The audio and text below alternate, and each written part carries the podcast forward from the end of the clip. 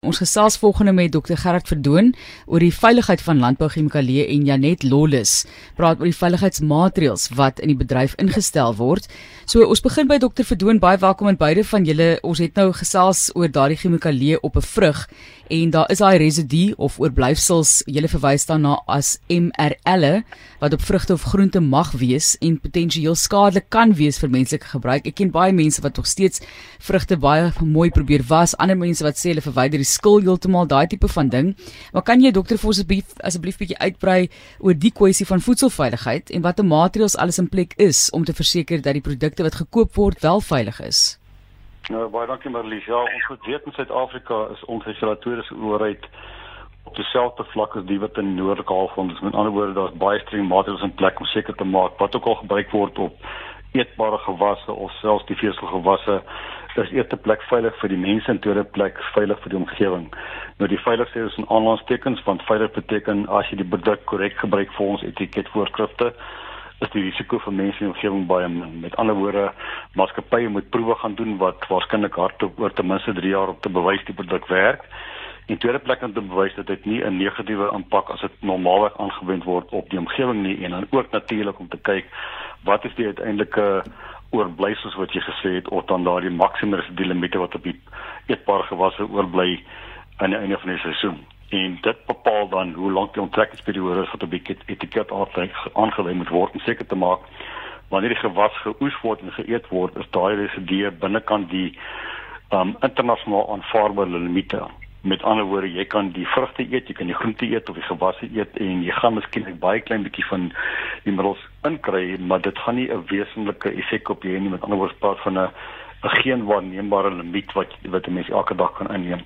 En daardie standaarde is nie Suid-Afrika, dit word hierdie wêreldwyd bepaal deur die FAO en bevoor die die Amerikaanse EPA en die Europese voedselveiligheidsowerheid en ons hou baie streng baie goed en ons kry elke paar jaar kry ons 'n regulasie bepaal dat jy net 'n sekere bepaalde maksimum residu van elke produk wat op elke gewas gebruik mag word wat teenwoordig mag wees. En as almal daarby hou, is die risiko uiters laag. Maar die probleem kom in wanneer mense oormatig die produkte spuit of verkeerde tyd spuit of iemand die produkte nou of die varkprodukte gaan steel van 'n 'n plaas of in die mark verkoop en daardie um, onttrekkingsperiode word nie gehandhaaf nie, dan begin die risiko 'n wesenlike risiko raak. So dis waarom ons sê dat ehm um, as almal binne die reël speel, risiko baie laag, maar as iemand nie buite binne die reël speel nie, dan skep ons outomaties een of ander risiko vir die menslike gesondheid.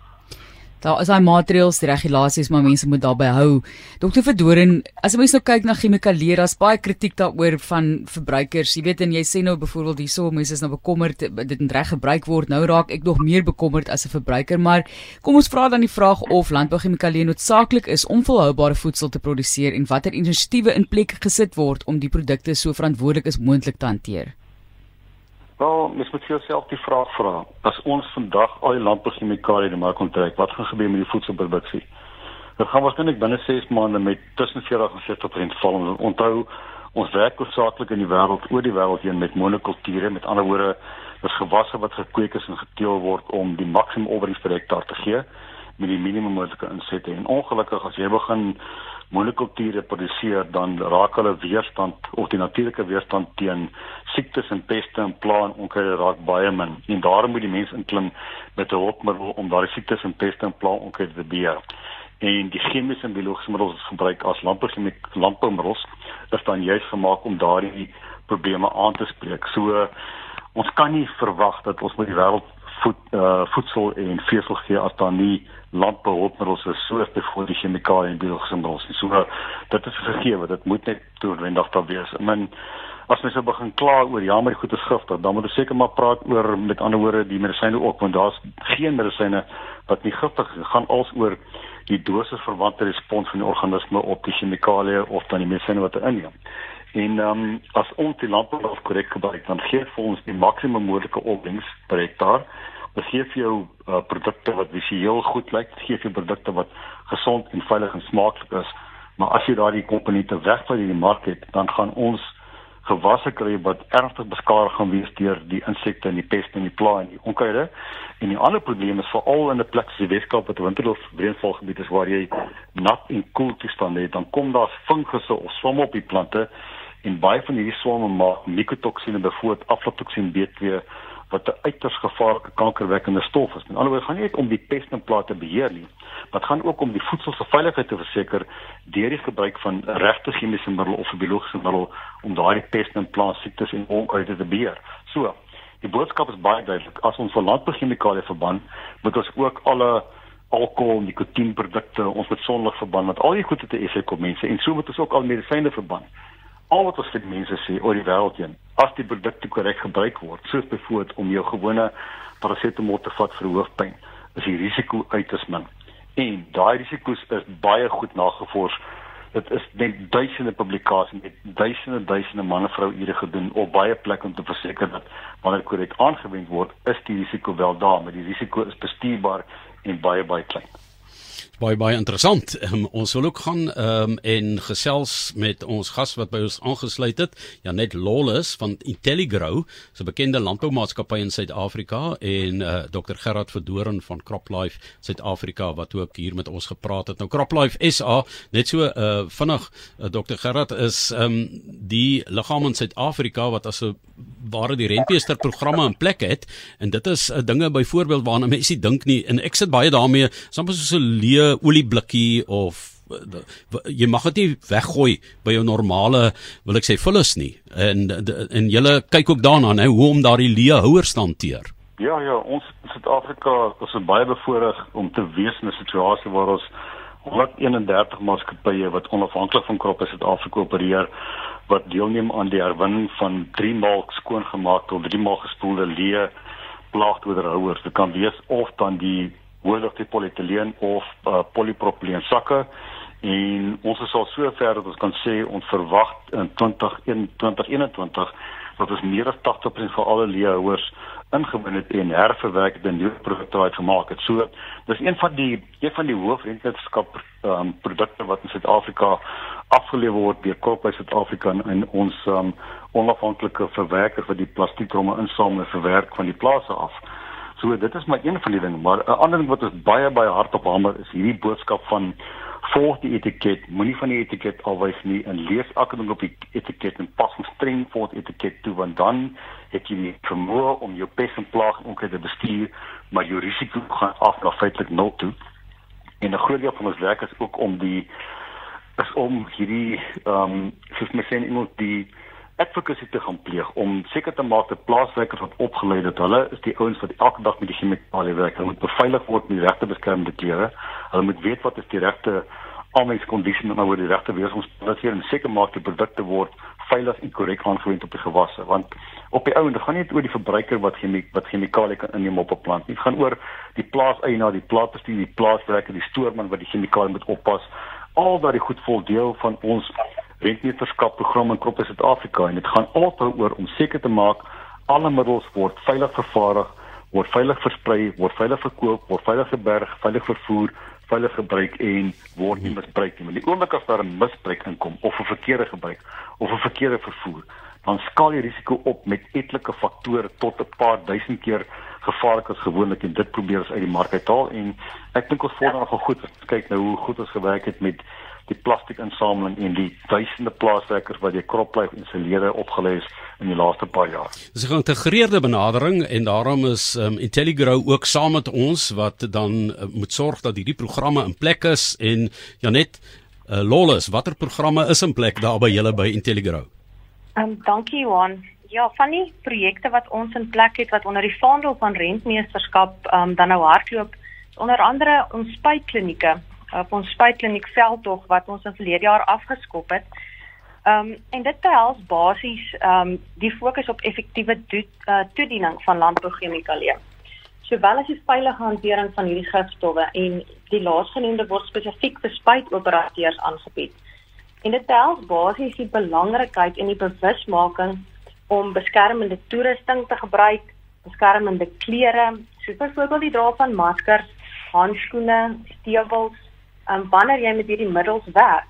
En dan natuurlik soos dokter Verdoorn gesê het, die belangrikheid om die produketikette korrek te lees en te verstaan en dit na te kom. En dan die ehm um, die laaste ene in terme van hierdie projek, ehm um, natuurlik die veilige wegdoening van leekanne en daar ondersteun ons ook uh CropLife Suid-Afrika se ehm um, leehouer projek en ons is nou ons ook hokke of versamelpunte uh, reg oor die ehm um, reg oor die land opsit waar ons dan om en by so 1500 kanne in een hok kan amper sê versamel of stoor totdat daar dan 'n uh, 'n goedgekeurde crop life hoe sê mens, uh, herwinnaar of wat ook al weer na na die kanne sal omsien en en sal sorg dat dit op 'n veilige manier dan ehm um, weer herwin word. Ehm um, dit sal natuurlik ideaal wees as elke elke depo of 'n groter gedeelte van die industrie deelneem aan hierdie projek. Ek weet daar's baie produsente wat na so 'n produksieseisoen redelik hoofpyn ervaar as gevolg van skrikkelike baie leë kanne wat wat ophoop op plase en ehm um, dat hulle reeds dalk ook planne in plek het om hiervan ontslae te raak. Maar ehm um, ek dink ons kan ons kan meer doen en die industrie kan meer doen om regtig hierdie projek van van CropLife Suid-Afrika te ondersteun. Hmm. Ja net, dit lyk my asof uh, ja net dit lyk vir my asof ehm um, die kennis wat 'n mens moet inwin as 'n boer vandag van kardinale belang is, die betrokke gewas, ehm um, die pla wat potensiële probleem kan wees ehm um, op die gewas en die oesverliese en al daardie dinge wat in berekening gebring moet word. Dis 'n bietjie meer tegnies, maar ek wil terugkom by ons aanvanklike onderhoud wat ons met Jannie gehad het uh, van ehm um, Ag Agri in die Weskaap en dit is die vrugte stelery of langs die pad koop. So ehm um, mense het nou gehoor dit kan baie gevaarlik wees as daardie gif gister gespuit is en daar moet eers 14 dae verloop byvoorbeeld. Maar man uh, pluk môre daar 'n paar goedjies af en verkoop dit. Dit lyk pragtig langs die pad en jy dink jy koop 'n bargain um, kan dit kan dit baie moeilikheid veroorsaak nê so gee vir ons 'n bietjie jou gevoel oor die vrugte wat langs die pad verkoop word. Ja, ehm um, dit is seker belangrik om dit om dit in die regte konteks dan ook te sien. Ek dink ehm um, jy weet so die formele landbousektor speel natuurlik 'n baie belangrike rol in ons land se ekonomie en dan is daar sekere voordele wat die informele sektor ook oorhou. Maar ehm um, ek dink die feit dat hierdie sektor tot 'n groot mate ongereguleerd is, ehm um, skep by die aard van die saak ook probleme van sy eie. En ehm um, my opinie is dat die informele sektor net klaar tot sy reg kan kom wanneer produkte soos hierdie vars groente en vrugte deur die regte kanale bekom word en dit nie ten koste van 'n ander sektor is nie. Jy weet ons produsente of ons kommersiële produsente verkeer onder geweldige druk in terme van verhoogde insetkoste alreeds. Kostes om seker te maak dat hulle aan die verbruikers se vereistes voldoen in terme van voedselveiligheid en naspeurbaarheid van die produkte. En um jy weet hierdie hierdie probleem addisioneel tot tot die huidige uitdagings um kan baie nadelige invloed op die volhoubaarheid van ons produsente in Suid-Afrika hê. Maar ja net, daar is nie altyd uh, toeganklikheid tot supermarkte en so meer oral in die land hier. Daar's plattelandse gebiede. Sou jy sê dat um die informele handel en ek verwys hier na mense wat tog formeel hierdie boeke onderhandel soos padstalle en so meer 'n baie groot rol kan speel? Ehm um, ja, ek dink 'n mens ondersteun uit die aard van die saak om ons noem dit die gereguleerde en aanhalingstekens informele sektor, padstalle ouens wat die wat vars groente en vrugte uh, vrugte deur die regte kanale bekom. Ehm um, dit speel definitief 'n belangrike rol in ons land om toegang toegang te gee tot persone wat nie noodwendig naby 'n naby 'n groot supermark is nie. So daar's definitief voordele wat voordele wat hierdie ehm um, sektor of manier van handel ook vir vir ons inhou maar met te deur die regte kanale gevolg word. Ek dink ons vorige spreker het ook genoem dat daar risiko's is.